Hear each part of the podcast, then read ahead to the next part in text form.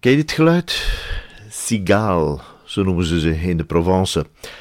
We vertalen dat dikwijls gewoon als krekels, maar het schijnt dat cicaden een betere vertaling is. Enfin, doet er niet toe. Wat ik wel weet is dat ze met hun vleugels een oorverdovend lawaai maken. Dat is moeilijk om het volume en de alomtegenwoordigheid van dat geluid in een opname te vatten. Hè. Die opnamedingetjes die onderdrukken allerlei parameters uh, van dat geluid om een en ander niet uh, til te laten slaan. Hè. Deze opname is van uh, afgelopen zomer. we zaten op een camping met hoge pijnbomen, een beetje ten noorden van Avignon. Het was een graad of 32, 33, zoiets. Um, niet echt bloedheet dus. Uh, en het viel nogal mee met dat gescherp ook, uh, want hoe warmer het is, hoe luider de cicaden tekeer gaan. Het heeft allemaal met seks te maken, schijnt het. De mannetjes maken dat doordringende geluid om de vrouwtjes te lokken. En dan denk ik, hoe doof kan je zijn, begot? Maar het is niet de bedoeling dat dat hier een uh, wetenschappelijke podcast wordt over het voortplantingsproces bij krekels. Ik wou eigenlijk gewoon een opmerkelijke anekdote vertellen. Het was de zomer van 2015, uh, een jaar of vier geleden, een hete zomer met dagelijks temperaturen tot 36, 37 graden. Uh, we zaten toen in een andere camping, een beetje ten zuiden van Avignon, dit keer. En er waren bomen met lagere kruinen. En de cigaal zongen dus luider dan anders, ook dichter bij onze oren. En de eerste dag na het avondeten, oké, we hadden ook al een paar uh, glaasjes rosé op, viel de duisternis in. En met de duisternis ook het haast niet te harde gescherp van de krekels. En dat duurde totdat wij s'avonds aan de aperitief zaten, dan viel dat plots stil. En die stilte was zo uh, aanwezig Uh, omdat je heel de dag door zo gewend bent geraakt en geconditioneerd aan dat lawaai, dat die stilte plots inzakt uh, als een oorverdovende stilte. Uh, en het is op dat moment dat er iets heel vreemds gebeurde bij mijn vader en mij. Mijn zoon Kobe is dat.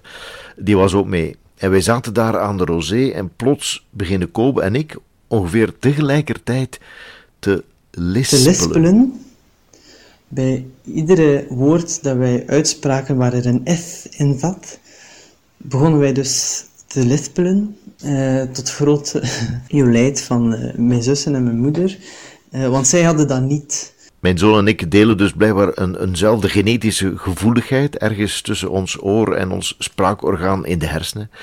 Bizar toch? En nee, ik ben niet naar een audioloog of zoiets geweest om dit wetenschappelijk te staven, maar ik kan maar één verklaring bedenken de sigaal hebben het gedaan. Of misschien is dat omdat we niet durven toegeven dat we misschien al een glaasje te veel op hadden. Wel, de volgende avond ging het al wat beter met dat lispelen en na drie dagen was het voorbij. Terwijl de rosé niet minder vlot binnenging, eigenlijk. Maar waarom vertel ik dit? Omdat het me deed denken aan Vincent van Gogh. Van Gogh verbleef twee jaar in de Provence, eerst in Arles, daarna in Saint-Rémy, in een krankzinnige gesticht. Hij werd daar dus gek of, of psychisch gestoord. En ik dacht, zouden die cicaden er iets mee te maken hebben? Van Gogh kon veertien uur en, en meer hè, in, in de open lucht voor zijn schildersezel zitten, liefst met de blik gericht in de richting van de zon die zon die zonder genade kettert en dat gescherp. En als het het gescherp niet is, dan, dan, dan is er de Mistral. Hè, de al even ongenadige wind die eh, de Provence ook dagenlang kan teisteren. De Mistral, een wind die mensen gek kan maken. C'est un vrai, un vrai fléau. On dit qu'il rend fou, il empêche de dormir, il assèche les cultures, il attise le feu. Et si vous regardez bien d'ailleurs les maisons provençales, vous verrez que souvent, du côté face nord, là d'où vient le vent, eh bien, il y a peu d'ouverture. Pourquoi? Parce qu'on se protège du vent. Nou, ik vroeg me af, die zomer, of dat het was dat Van Gogh had gek gemaakt. De zon, de Mistral, want Van Gogh schreef in een brief aan zijn zus Wil... Het waait hier veel. Le Mistral is een nijdige, zanekende wind die heel hinderlijk is als ik erin moet schilderen. Dat was in Arles en een jaar later vanuit het krankzinnige gesticht in Saint-Rémy schrijft hij... Deze nieuwe crisis, beste broer, heeft me overvallen in het veld toen ik op een winderige dag aan het schilderen was. De Mistral dus. Ce fameux Mistral provençal, on les accuse de nous rendre fous. En de cicade. Van Gogh en zijn gekte. Zal ik je wat vertellen? Ik ben gek van Van Gogh. Sinds ik uh, een jaar of 30, 35 jaar geleden misschien uh, zo bundeling van zijn brieven las in zo'n goedkope Rainbow Pocket, laat de man mij niet meer los. Ik kan geen jaar doorkomen zonder minstens één echte Van Gogh te zien. Maar het begon veel vroeger, eh, zij het onbewust, hiermee.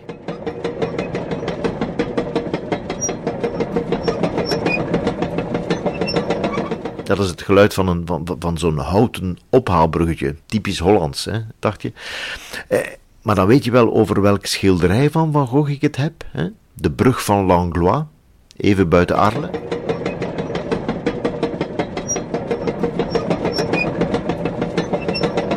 Kijk, na een trip naar Parijs brachten mijn ouders voor elk van ons kinderen uh, zo'n chique reproductie mee op schilderstuk, zo uh, geprint. En die werd uh, geplakt op, op een dikke Spaanderplaat en kwam terecht in onze kamers. En het bruggetje kwam in mijn kamer te hangen. En ik heb lang gedacht dat het eigenlijk een bruggetje ergens in Nederland was, want Van Gogh, dat was toch een Hollander, hè? Vincent was trouwens stoemelings ook op een andere manier in mijn leven gekomen. Ik moet elf of twaalf geweest zijn en mijn broer kocht die legendarische LP van Don McLean, American Pie. En daarop staat ook dit nummer. Starry, starry night Paint your palette blue and gray Look out on a summer's day With eyes that know the darkness het begin van het liedje dat gewoon Vincent heet. Een volledig liedje over Vincent van Gogh dus. Al zal ik dat toen niet beseft hebben. Ik zong het niet eens juist, want ik zong Story, Story Night. Ja, Story Night. Dus wat dat dan ook mocht zijn. Hè. Story, Story Night. Bayfud's goings blue and grey. Ja, zo moet ik ongeveer geklonken hebben toen ik twaalf was. En die uh, Fudge goings, uh, die gooide ik er uh, in elke Engelse tekst tussen als ik niet meer wist hoe het precies ging. Starry, starry night Paint your palette blue and grey Look out on a summer's day With eyes that know the darkness van Gogh vulde dus al onze huiskameren van toen ik een jonge tiener was. Trouwens, Don McLean, uh, die was te zeer verknocht aan zijn Starry Starry Night hoor, want uh, als hij zingt. And when no hope was left inside on that starry starry night, you took your life as lovers often do ja, dan klopt dat eigenlijk niet, hè, want Vincent schoot zich in de buik op klaarlichte dag, op een zonnige zondagmiddag, sunny sunny day, dus niks starry starry night. Maar dat is eigenlijk al een spoiler voor het einde van dit verhaal.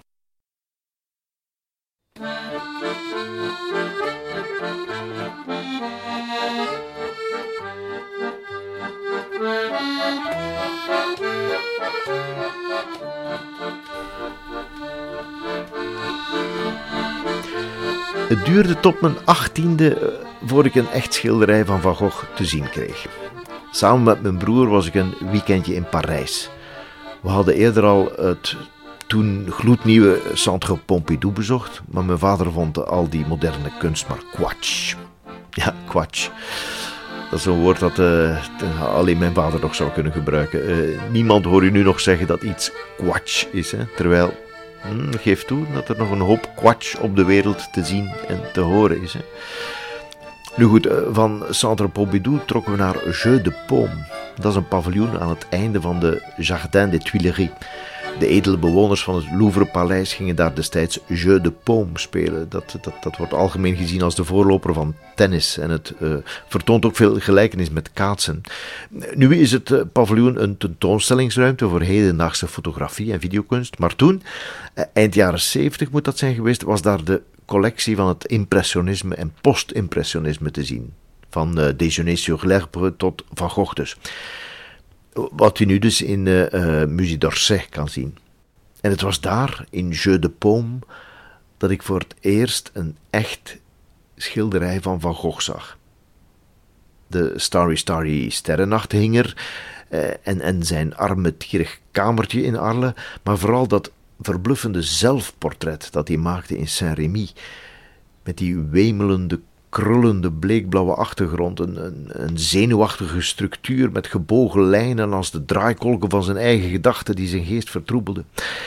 En in die blauwe achtergrond gaat zijn even bleekblauwe bombazijnen jasje bijna helemaal op.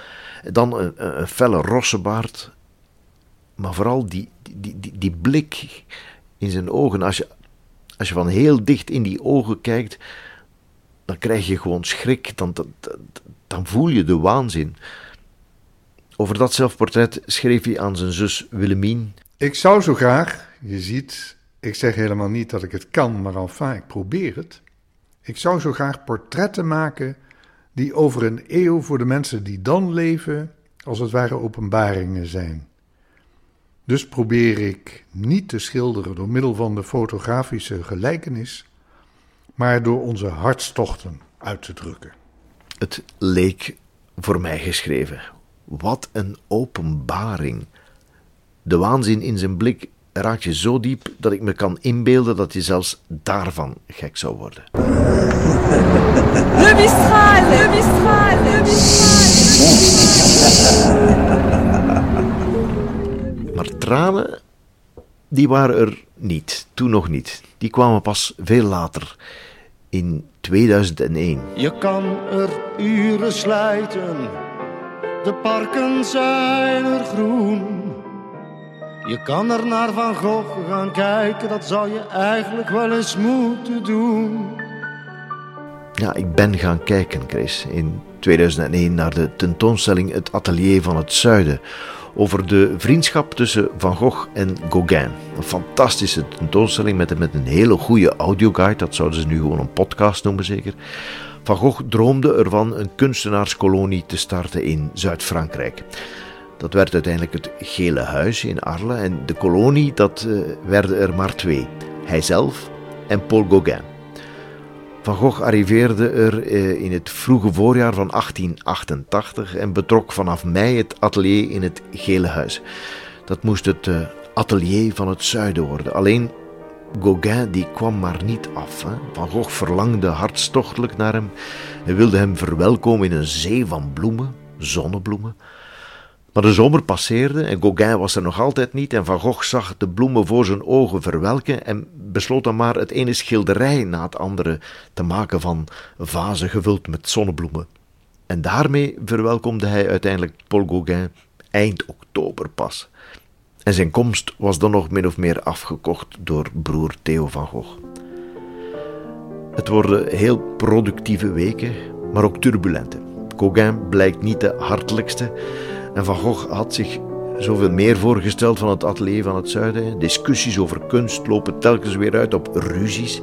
En na twee maanden wil Gauguin het alweer aftrappen. En dan flipt Van Gogh compleet. Zijn eerste crisis. Eerst bedreigt hij Gauguin met een scheermes en later die dag snijdt hij met datzelfde scheermes een deel van zijn linkeroor af en gaat dat afgeven in het Maison de Tolérance nummer 1 bordeel is dat eigenlijk, aan de prostituée Rachel.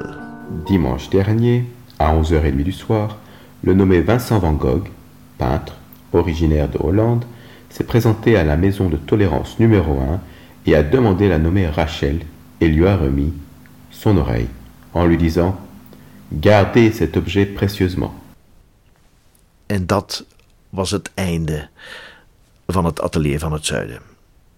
Maar nog niet het einde van het verhaal over de vriendschap tussen Van Gogh en Gauguin. Na de dood van Van Gogh vertrekt Gauguin naar de Marquise-eilanden, waar hij het atelier van de tropen wil uitbouwen. Maar dat is al evenmin een succes als het atelier van het zuiden. Maar wat opmerkelijk is, naarmate de tijd vordert, begint de heimwee naar Frankrijk steeds meer te knagen.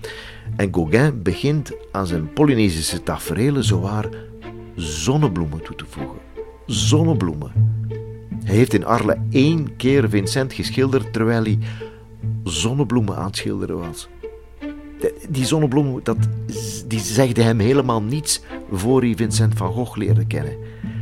Maar in april 1903 schrijft hij een brief naar zijn Parijse agent en vraagt hem om graantjes van zonnebloemen op te sturen. Die brief is vijf maanden onderweg. Op 8 mei 1903 sterft Paul Gauguin. Op 13 juli verlaten de zaadjes de zadenhandel Villemorin in Parijs. Wie ze Marquise in ontvangst heeft genomen, weten we niet. Maar kijk, van zo'n verhaal, daarvan kan ik janken. La pluie est traversière, elle bat de grain en grain quelques vieux chevaux blancs qui fredonnent Gauguin.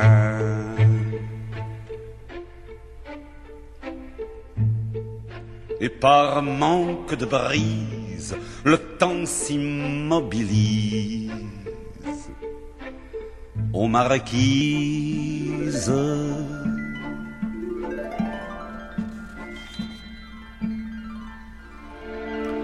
Brel op de Île Marquise in de voetsporen van Gauguin, de grain en grain. Sindsdien was ik helemaal verkocht. Ik las Vincents brieven en ik las wat hij las, Zola, Madame Bovary, de Bijbel. En ik begon te schrijven. Van Gogh werd bijna een obsessie. Ik, ik, ik wilde alles zien, alles lezen, overal naartoe gaan waar hij was geweest. Ik wilde zonnebloemen kweken en absint drinken. In gesprekken dook hij op of bracht ik hem ter sprake te pas en te onpas. Eh, Het is pas het nieuws dat mijn roman over Van Gogh eindelijk zou uitkomen dat de obsessie een beetje heeft doen bedaren. Maar toen begon ik aan deze podcast. Le Mistral, le Mistral. Ja, en ik vond plots een medestander in podcastland. Eh, Niet in de obsessie rond Van Gogh, maar in de obsessie voor Vincents geliefde kleur die hij in Arles ontdekte. De kleur geel.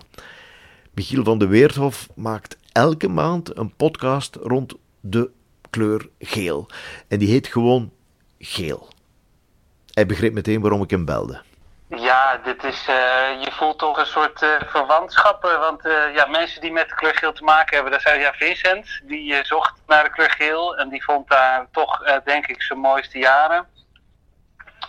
Jan Wolkers, op het eind van zijn leven vond hij het in de kleur geel. Want het laatste doek wat hij heeft geschilderd is het grote gele doek. Is ook heel mooi. Daar zie ik ook ergens een verwantschap. Maar toen jij begon over de hoge gele noot, die kende ik nog niet. Dus toen was ik meteen geïntrigeerd. Want ik heb wel een aflevering gemaakt over hoe klinkt de kleur geel. Dus daar had ik eigenlijk best wel graag eh, Vincent willen interviewen. En dat, ehm, nou ja, hij heeft ze gemist, maar dus later kwamen er ineens allemaal synesteten tevoorschijn. Scriabin heeft het getracht. Kaminski heeft een stuk eh, over geel geschreven. En bijna al, in al die stukken komt geel best wel, is een, een soort gepijnigd iets. Ver- verknepen en gepijnigd bijna. En voor mij is het dus ook, eh, het, is, het is wel, het, het, het staat voor iets goeds, maar het is wel een soort eh, catharsisproces. Dus het is wel een soort pijnlijke loutering. Het is niet soort gewoon aardig of zo. Maar voor hem heel wel ook aardig. Ik denk het wel, maar ehm, het zou best kunnen natuurlijk dat hij, dat, dat hij toch wel door het overvloedig gebruik en er dus overvloedig naar, naar moeten kijken, ook terwijl hij het gebruikt, dat het, dat het ook een soort delirisch effect heeft. Hè? Want het is natuurlijk echt in zijn meest gele periode, zo noemen ze het niet natuurlijk, maar, maar goed, als je die werken in Arle bekijkt, dan kan je bijna zeggen dat dat zijn gele periode is. Ja, het is wel daar dat hij er onderdoor gaat. Hè? Dus in zijn hoogtepunt slash dieptepunt, eh, zijn ho ja, dat was Is geelkleurig. het, is, is het geel zeer, zeer nadrukkelijk aanwezig? Ja, inderdaad. Dan is ook echt de vraag, want als je dat nu zeg maar, op een scherm ziet, ik zit nu op internet te kijken. Dat doet geen recht aan. Want bij allemaal is het net een andere tint. Dus dan moet je eigenlijk in het echt zien. Is daaruit op te maken wat, zijn, uh, wat voor hem echt het geelste geel was. Of wat echt uh, wat Van Gogh geel is. Ja, ja. Dat is, hij, is, gebruikt altijd zoveel nuance. Uh, als, je, als je dichter gaat kijken, elk stipje naast het andere stipje is net weer een andere, andere intensiteit van datzelfde kleur. Dus ik weet niet of hij een, een Van Gogh geel had. Of of dat er is. Ik zit nu ook in de. Did Van Gogh suffer from yellow vision? Dat hij xanthopsia zou hebben gehad. Staat hier nu ergens. Ja, ja. Kijk eens aan, je praat twee minuten over Van Gogh.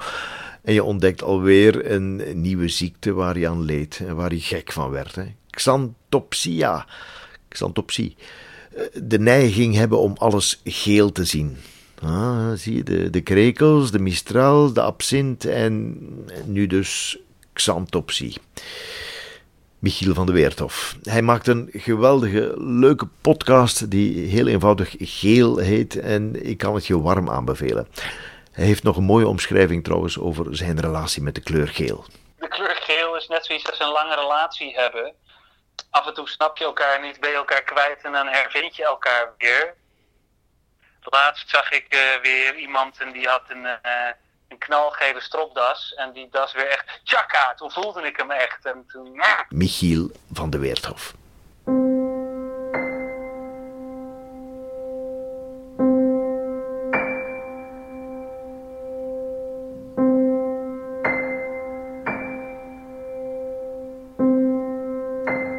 Het oorincident kwam Vincent terecht in het hospitaal van Arles. Dat is een uh, mooie plek. En die vierkante binnenplaats, die hij natuurlijk ook schilderde, herbergt nog altijd een prachtige binnentuin. Het heet nu L'Espace van Gogh. En dat is uh, een van de vaste locaties van het heel interessante fotofestival van Arles trouwens. Maar de psychische stoornis ging niet over daar in Arles. En dus liet hij zich uh, vrijwillig opnemen in het krankzinnige gesticht Saint-Paul de Moselle in Saint-Rémy, de Provence. En zelfs daar ging hij weer aan het schilderen. Portretten van de dokter en de verpleger die hem behandelden, tientallen vergezichten vanuit zijn raam met cipressen en de golvende horizon met de Alpieën in de verte.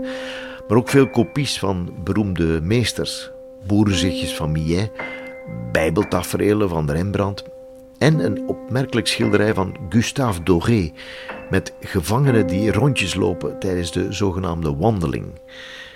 De gevangenen bij Vincent eh, lijken meer op geestespatiënten. En die ene op de voorgrond die opkijkt, die lijkt een beetje op Van Gogh zelf. Ze lopen rondjes tussen hoge muren, telkens weer hetzelfde rondje, nergens heen. Rondjes lopen, rondjes lopen, rondjes lopen, rondjes tussen rechte muren met ronde bogen, rondjes, boogjes, muren, lopen rondjes, nergens heen. Lopen we niet allemaal rondjes? Opstaan, eten, slapen, opstaan. Rondjes, lopen, rondjes. Het wordt een lastig jaar daarin, Saint-Rémy.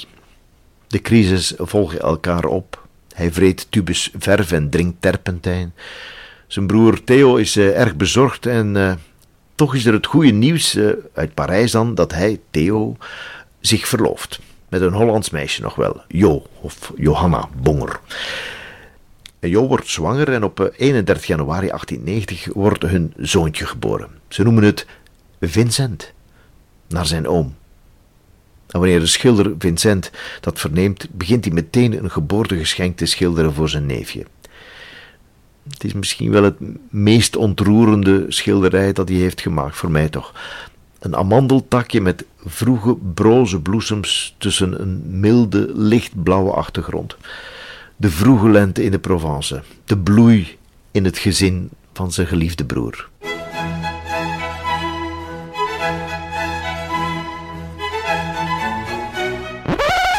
Wat is de enige bloeiende boom die hij die laatste lente zal schilderen? Theo schrijft op 3 mei. Uit het schilderij van de bloeiende amandeltak dat je voor onze kleine schilderde, blijkt dat je nog niet bent uitgekeken op die onderwerpen. Ook al heb je dit jaar voor de rest van het seizoen de bloeiende bomen gemist. Laten we hopen dat het een volgende keer niet zo zal gaan. Kort na het voltooien van het schilderij voor de kleine Vincent gaat de schilder weer in crisis. Is daar een verband tussen? Ik denk van wel. Want wist je dat Vincent zelf al een soort vervang Vincent was? Precies een jaar voor hij werd geboren, op precies dezelfde dag, maar dan dus in 1852, werd al een Vincent van Gogh geboren. Dood geboren. Toch kreeg hij een naam en een grafsteen op de protestantse begraafplaats in Zundert. De schilder Vincent, de tweede Vincent dus, moet er dikwijls zijn langsgelopen. Zou Vincent zich altijd een reserve Vincent hebben gevoeld? Een kind als gevolg van het zogenaamde replacement child syndrome in het uh, domineesgezin van Van Gogh.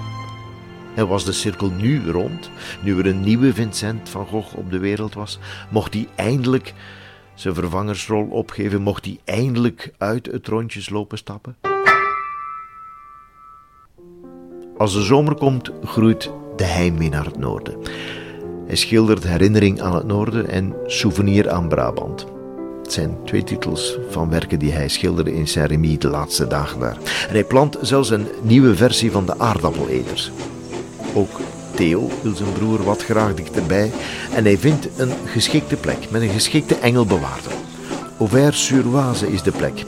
Een beetje ten noorden van Parijs, waar bijna alle grote schilders van die tijd passeren: Pissarro, Renoir, Cézanne, Monet. En ze passeren allemaal bij dokter Gachet, een dokter die gespecialiseerd schijnt in de behandeling van melancholie. Op 20 mei 1890 arriveert Vincent op het station van Auvers.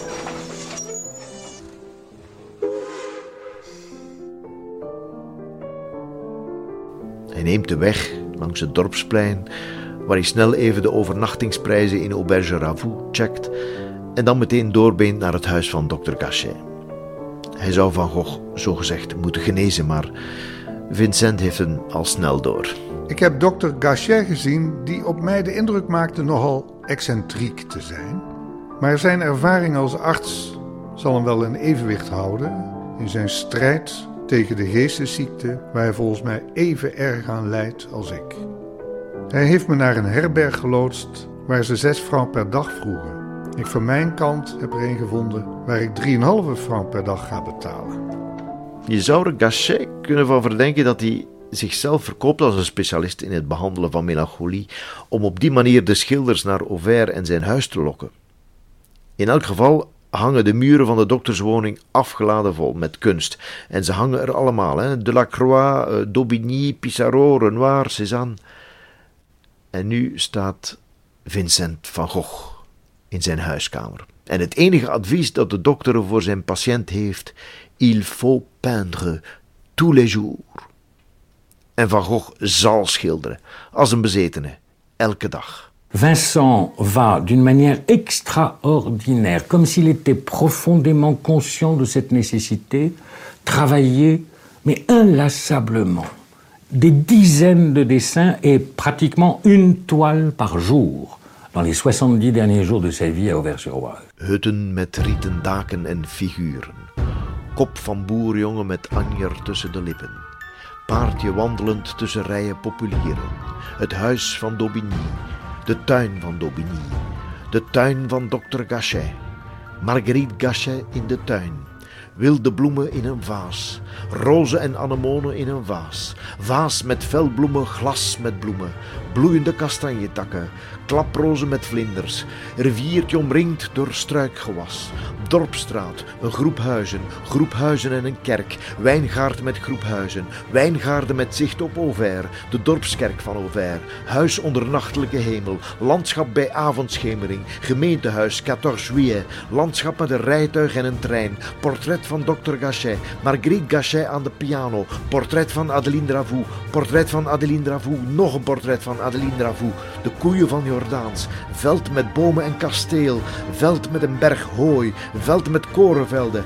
Meisje tegen een achtergrond van koren. Korenveld, korenaren. Korenveld en wit landhuis. Korenveld met klaprozen. Korenveld onder een onweerslucht. Korenveld met kraaien.